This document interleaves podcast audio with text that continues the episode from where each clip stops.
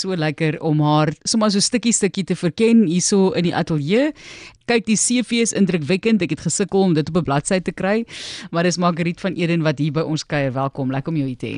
Baie dankie. Dankie dat ek hier kan wees. Baie opgewonde. So hoekom was jy nou nie maar meer vir Suid-Afrika ook gewees? Of Hoorie, ek dink ek is nie mooi genoeg vir dit. Nee, o jete. Ek dink jy moet maar ek dink jy moet 'n kans gee. Ek wil nou gevra het, hoe oud is jy nou? Dis 'n verskriklike vraag wat ek nou vir jou vra. Nee, Dis so nie. oppervlakkig. Ek is jammer, Margriet. Dit kan maar ek 26. Okay, wel dan ek dink jy moet nog 'n kans vat. Dis interessant jou herkoms. So jy's gebore in Pretoria en toe het jou ouers Gaborone toe getrek Botswana toe. So vertel Yes. ons 'n bietjie van jou grootword jare waar het jy oral tyd spandeer? So my molle, my pa het in die Kaap groot geraak en my pa ag my ja, my ma in Pretoria my pa hier in die Kaap en toe het my pa werk gekry in Gaborone by Aon en toe ek en my ma nou saam gegaan natuurlik en ek het daar gebly vir 7, 8 jaar en die beste tyd ooit, ooit gehad. My ma um, het so mooi na my gekyk en ons baie lekker tye saam gehad en ja, toe trek ons Kaap toe en gaan ek na La Rochelle na die koshuis toe. So Goed, La Rochelle.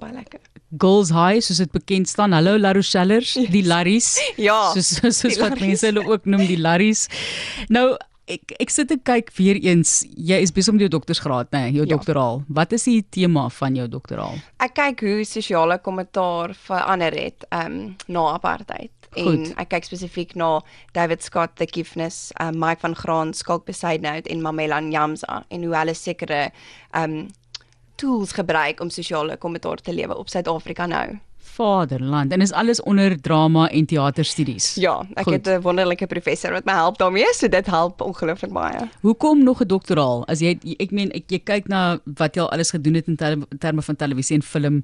Jy's 'n fotograaf ook nog daarbey. Dit het jy gedoen tydens Covid. Ons gaan 'n bietjie daaroor gesels. Groot impak op die bedryf gewees Ja. tydens Covid. So hoekom die die in diepte studie? Hoe hoekom so ver gaan? Ek ek het vir my professor gesê ek is eintlik so mal oor hom. Ek kan hom nog nie laat gaan nie, maar ek ek vind protesteater en sosiale kommentaar so belangrik en so interessant en ek het my meesters gedoen oor Pieter Rik Eis en Nathaniel en hoe groot impak hulle gehad het op ons land.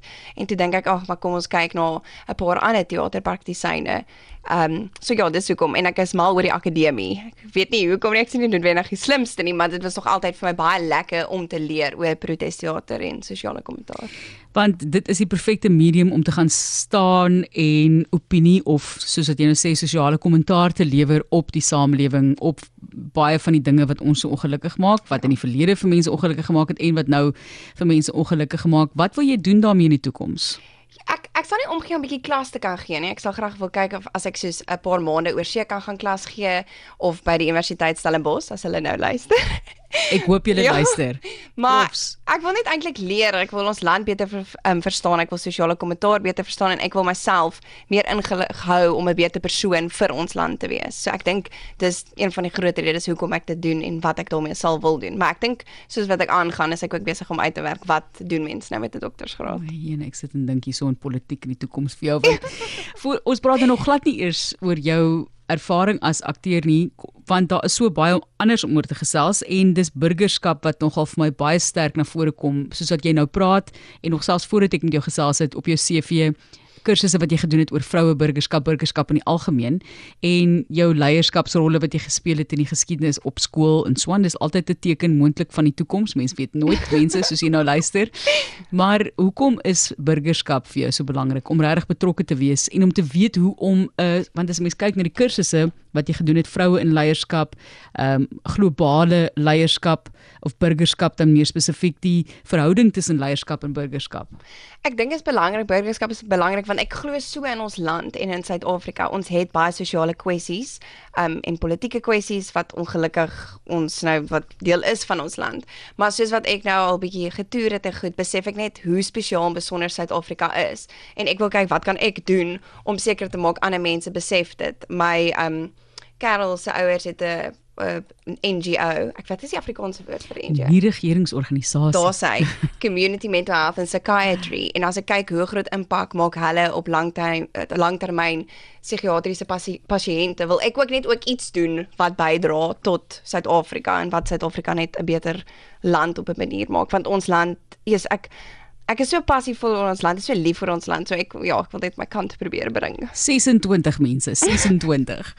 OK, inspirasie weer vir die dag.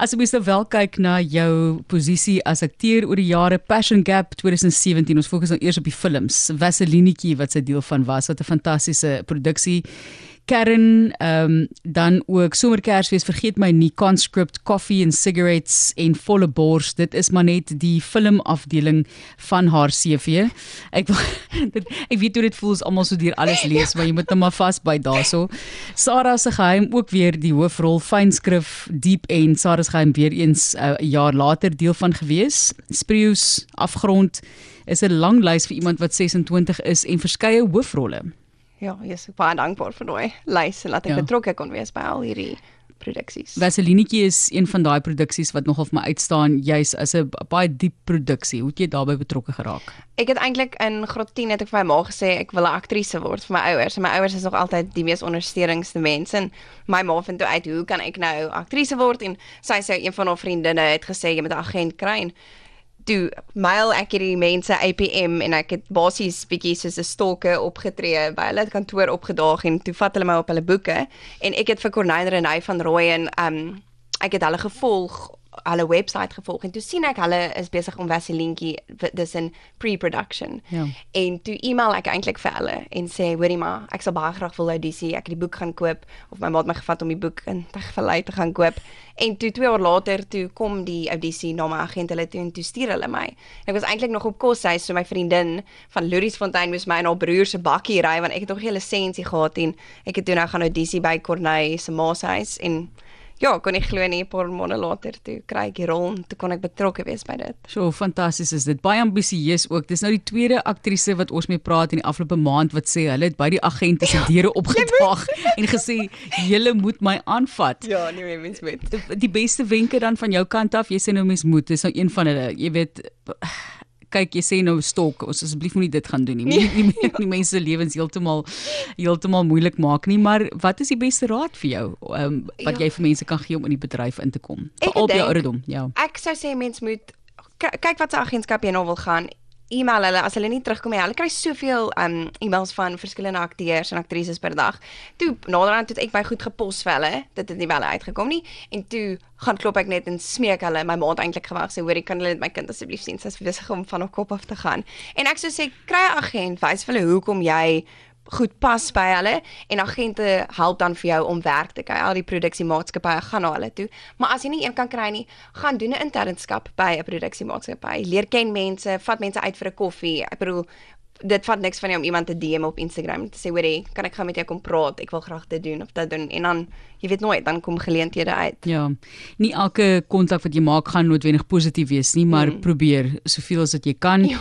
Margriet van Eden is in die ateljee. Dit is 'n aktrise wat jy nou al op verskeie produksies gesien het en ons gesels oor haar studies besig met haar doktoraal en gaan 'n bietjie kyk hoe daardie sosiale politieke kommentaar uh, uitspeel op hierdie platforms in teater meer spesifiek maar Margriet as mens nou kyk na die toekoms jy is passievol oor Suid-Afrika ek dink aktrises akteurs het almal hierdie droom om oor see rolle te gaan vertolk Neil Sandilands het hom nou redelik uh, sukses al gehad ja. oor see maar dis hard dis moeilik daar moet jy gaan sit hy en sy ukulele in 'n hotelkamer ja. vir 2 weke en wat was dit Nieu-Seeland dink ek um, om te sit en wag vir die COVID uh, tydperk wat jy nou nie jy weet jy moet nou eers isoleer en swaan. Dis nie maklik nie. So hmm. Is daar enigstens daai tipe van drome vir jou in die toekoms? Ek dink as mens begin dan het jy nou daai droom, maar ek vra myself altyd die rede hoekom het jy daai droom? Is dit omdat jy bekend wil wees? of is dit omdat jy wil jy wil in sulke tipe produksies speel en ek voel Suid-Afrika ons maak nou al daai gehalte produksies wat jy in cinema Hollywood sal kan inspel. So ek as dit met mens gebeur, gebeur dit met mens. Ek sal net nie noodwendig daartoe gaan nie. Ek dink jy kan hierso 'n groot naam vir jouself maak en so betrokke raak met oorseese produksies. Ja. En die wisselwerking, ek dink net nou aan Dean Lawrenson wat nou ook baie studeer, sit onlangs weer 'n groot graad gevang. Ek kan dit nie alles by kop uit onthou nie. Ek het van dit gesien ook op Instagram. Dis duidelik daardie wisselwerking vir jou tussen akademie en die fisiese rol van aktrise wees. Dink jy jy sal altyd daai balans kan bou? Oh, ek hoop so. Ek dink ook ek wil nie net 'n aktrise wees nie. Ek geniet dit ongelooflik baie, maar ek wil ook op 'n plek wees in my lewe waar mens kan kies wat se tipe rolle jy doen en wanneer jy dit doen. En ek dink die akademie stimuleer my op 'n ander manier weer. So as ek kan, sal ek altyd dit doen. Partykeer is dit bietjie moeilik. Ek was nou gister vir my professor sê, hoor ek sê, bietjie 2 weke agter met my um met 'n hoofstuk wat ek moet ingee want ek het nou begin werk op 'n ander produksie. Maar hy is ook so ongelooflik hy verstaan en ja, ek moet sê ja. dit werk so ver vir my baie goed uit. Wonderlik. Gepraat van wat lê voor? Ek is nou ek voel mense sê altyd dit en dit is ja, ek is nou in iets ek mag nou gou sê wat nie. Ek het ietsie geteken, maar ek dit sal nou volgende jaar uitkom en ja, ek's baie opgewonde, baie bly om deel te kan wees van dit. So, ja, mense ja. weet mos nou nie like hoe die agter die skerm sake werk en hoe lank dit neem vir so 'n produksie om ja. sy gaan gang te gaan nie. Ja. Margriet, wat doen jy net om bietjie af te skakel tussendeur die doktersgraad wat jy aan werk en en werk? Ek weet hoe kry jy dit reg? Hoorie ek uh, sal nou met my kerel ons baie van gaan uit eet soos ons nou gesê het so ons gaan nou by verrot vanaand bietjie gaan uit eet en anders gaan braans by my ouers en kuier met my vriende my ma en pa en my vriende is baie belangrik vir my so ek spandeer ja. meeste van die tyd dan met hulle En en ek is ek nou vir haar sy was in La Rochelle Vrydag aand en Saterdag is ek daar vir 'n funksie en ek en sy gaan eet vanaand beide by restaurante wat op dieselfde plaas is. Dit's bietjie vreemd hoe hierdie ja. dinge uitwerk sê ek vir jou, maar ja, Margriet van Eden wat by ons kom kuier het en hou daai naam dop en gaan Google haar bietjie, gaan loer, moet dan nie stok. Um, jy gaan kyk foto's en dan kan jy sien hoekom ek dink sy kon maar regtig inskryf mee vir Suid-Afrika. Dis om daar PhD ook fotografie is jy nog besig met die fotografie? Ja, baie lekker. So ek en um, my kerel het eintlik saam nou die besigheid Marguerite in Rooi Photography, baie oorspronklike name. Mooi. en oh ja, ons doen ons neem troues af en dis vir ons baie lekker. Ek is mal oor die liefde. Ek partykeer ken ek nie eers die paartjie nie en dan sal as die pa nou vir sy dogter die eerste keer sien of die man sien sy vrou afloop dan huil ek amper meer as die bruid of bruidegom maar ja geniet ongelooflik baie troufotografie dankbaar vir jong mense soos julle. Jy nou om, om vir iemand wat 26 is te sê sy's 'n jong persoon en ek is dankbaar vir haar ek sluk ook maar swaar Margriet net spot. Nee dis regtig lekker om te hoor daar soveel positiwiteit en mense wat wil ploeg in ons land. Ons sê vir jou baie dankie daarvoor. Dankie. Lekker om dit te hoor. Waar kan mense jou gaan volg? Um op Instagram Margriet van Eden, as jy my naam kan spel of ehm um, ja, dis maar waar ek is. 'n Redelike eenvoudige of 'n direkte Margriet. Ja. Maar ja, Margriet van Eden, gaan kyk kry vir haar daarso en dan kan jy bietjie gaan kyk wat sy alles doen.